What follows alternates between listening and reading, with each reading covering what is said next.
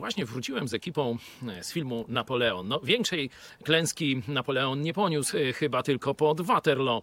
E, Bardzo, bardzo kiepski film, ale no to może nagramy o tym oddzielny program. Pewnie i tak będziecie chcieli na własne oczy zobaczyć. Jest jedna scena, która troszeczkę dała mi do myślenia. Powiedzmy, że była głębsza w tym dosyć płaskim filmie. Mianowicie kampania egipska.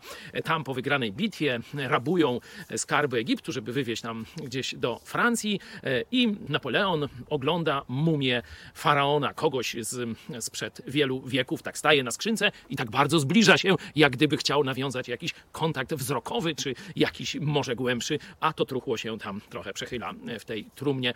E, To pokazuje, że największy cysarz, największy faraon naprawdę szybko przemija. Potem jest śmierć.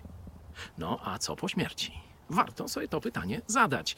Wielcy ludzie myślą o wiecznej sławie, a każdy może otrzymać już dziś życie wieczne od Jezusa Chrystusa.